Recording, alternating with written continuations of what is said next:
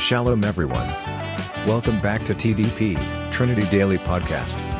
We'll be listening to a motivational message by Pastor Stephen Carroll Werha. Make sure you listen until the end, and don't forget to share the link to your friends and family so they can be blessed as well. All right, Pastor Steve, the mic is yours.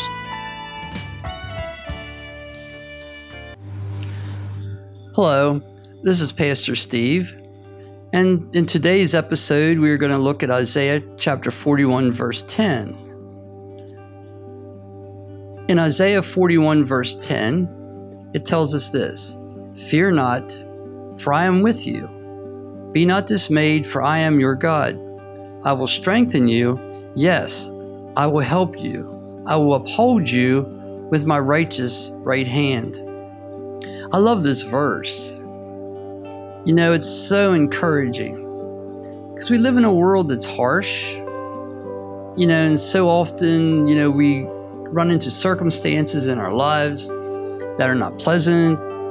We don't understand what's going on, maybe. You know, it could be all kinds of things. It can have to do with with finances, it can be with health, it could be with emotional things, our families, whatever it may be. And for this time in particular, we have the coronavirus pandemic going on.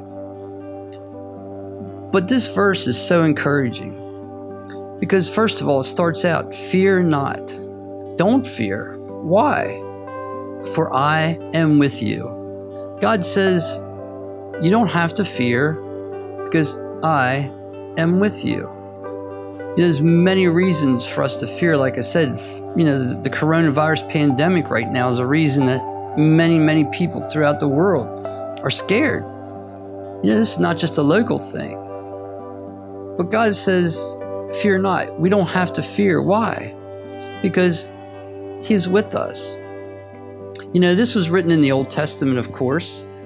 And at that time, the Holy Spirit and God, you know, was with people in a little bit different way.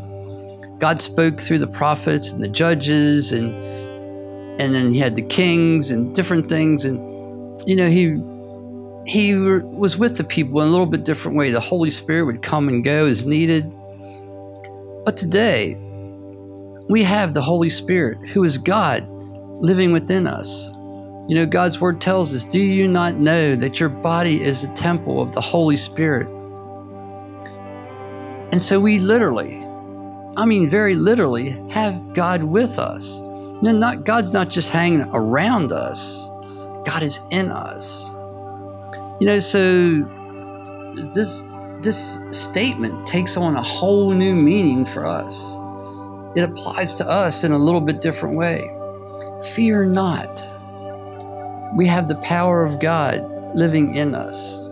We have the authority of God living in us. We have the wisdom of God living in us. We have the peace of God living in us. It's all there. All there. So God says, Fear not. We have nothing to fear. And then he goes on to say here, Be not dismayed. You know, don't be discouraged. Don't be confused. For I am your God. I love that statement. I mean, the one way you can look at it, you could say, God belongs to me. God is mine. But really, it's, it's more the reverse of that. We are God's. We belong to Him. At one time, we didn't. At one time, we belonged to the Father of this world. But when we gave our life to Jesus, when we said, I confess my sins, I want to be forgiven. I believe Jesus died for my sins. I want to give my life to Him. I commit my life to Him. I want Him to save me. I want, I want Him to be the Lord of my life. When we, when we said that from our heart, we went from belonging to the Father of this world to God. We are in His family. You know, the Bible tells us we've been adopted into His family.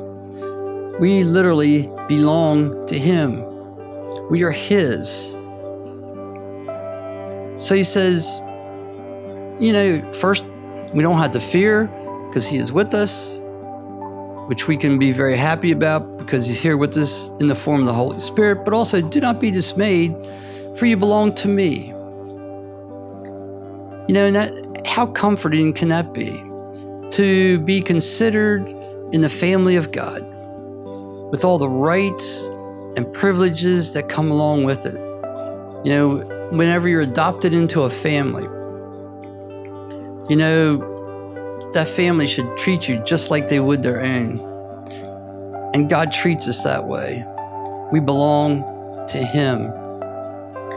If He stopped here, that would be enough. I mean, that would should keep us going day in and day out if we would think about it every day. But he goes on to say, I will strengthen you. And you know, like I've already mentioned, life is hard. We go through a lot of challenges, a lot of trials, a lot of things that, you know, really stress us. They give us anxiety. They make us fear. They make us confused. So many things happen in life. And it can be physical things, it can be spiritual things, it can be psychological or mental mental things. It could be so many different things. But no matter what it is, God says He will strengthen us. You know, so often we, we work very, very hard at trying to maybe to strengthen our bodies, maybe to strengthen our financial position, maybe to strengthen our families, whatever it may be. We work very hard at that. And yes, we should work hard at those things. You know, we should do what we can to take care of ourselves. But we also have to remember that ultimately it is God who's going to strengthen us. He's going to strengthen us from within through the Holy Spirit that lives in us. Is His strength that's going to get us through the hard times. You know, He is going to give us the strength we need. He's going to give us the stamina we need. You know, and He'll do that in a physical way. You know, if we're if we're in His will, which is the key to all of this, when we're in His will, when we're doing what He wants us to do, whether it's being a witness in our job, in our school, being a missionary, a pastor, evangelist, whatever it may be, whatever wherever God's called us to be, if we're faithful, if we're in His will, He will strengthen us. He will strengthen us physically. You know, there's times I've been wondering, how am I going to get all this done? How am I going to be able to do this? You know, because things were happening just right and left, all kinds of things, physically draining things. But God gave me the strength when I didn't think I'd have the strength you know, when I didn't have enough sleep or whatever. But also, He's going to strengthen us spiritually. You know, so that you know, there's times of doubt. You know, He's going to help us to have understanding. He's going to be able to help us to keep our focus on Him. He's going to strengthen us emotionally. You know, and that's important too to be to have that strengthen emotionally, so that we we don't know, start to be depressed, so that we aren't anxious, so that we don't fear. He's going to strengthen us emotionally also. So he says, I will strengthen you. And then, kind of to emphasize that, he goes on in the next line and he says, Yes, I will help you. Almost like in between those two lines, we ask the question, Really? You know, I, have said things to people before or whatever, and, and or they've said something to me, and I go, Really? You know, and sometimes joking, sometimes I'm serious. But it's like it's like in between these two lines we said, "Really?" And God said, "Yes. I will help you." You know, we don't have to do it all on our own because God's going to be there with us. It's not about us living this life alone. It's not about us struggling through this life alone. It's not about that. It's about the fact that God will be here with us. He will strengthen us. He's living in us. He is ours. We belong to Him. He's going to strengthen us and He will help us. I mean, I've looked back over my life and in different times, and there's times that I've struggled and struggled and struggled because I was trying to do everything on my own. But then there's other times where things were just as bad, but they didn't go as bad. And why was that? Because God was helping me. But that word help is a little deceiving because sometimes it's more like He's doing everything, not just giving us a little help or a little boost up or a little hand up. It's like He's doing everything. He says, Yes, I will help you. He doesn't say, I may help you, I'll think about it. He says, I will help you. You know, just like when he said, Fear not, he says, For I am with you. It's not like he says, I'll be there tomorrow. He says, I am your God. It's not, it's something that's now present. It's the same way with this. He says, I will strengthen you. I will help you. It's now and present. And the last thing he says is, I will, which is now, which is present. He says, I will uphold you with my righteous right hand. Can you think of any safer, more comforting, more peaceful place to be than in the hand of God. He says, I will uphold you with my righteous right hand. It doesn't take both hands of God, just one. He will uphold us. He's going to, He is with us. We are His. He strengthens us. He helps us. But ultimately, He holds us. We can have total peace in this life because we are in the hand of God. When we are in His will, when we are following Him, when we are confessing our sins, when we are making sure that you know we're not harboring sin, that we're that we're keeping ourselves as pure as possible. You know, we're not going to do perfect, but He says, "I will uphold you with my righteous right hand."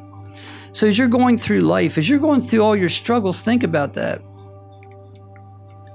God is with you. You are His.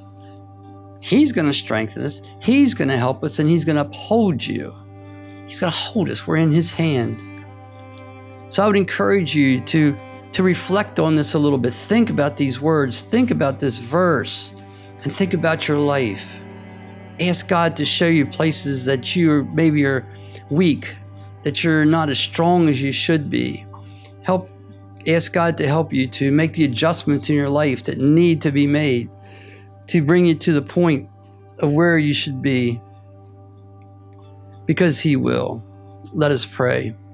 Dear Lord and Heavenly Father, I thank you and I praise you for your love. I thank you for all that you mean to each one of us. I thank you for these words where it says we don't have to fear because you are with us in the in our case the form of the Holy. So we're thankful that we don't have to be dismayed because we belong to you, that you're going to strengthen us, you're going to help us, and you're going to hold us. Lord, help us to have that peace that's beyond all understanding because we believe these things. We trust you in these things. In Jesus' name we pray. Amen. Thanks for listening. Hope you are blessed. See you again in our next podcast. God bless you.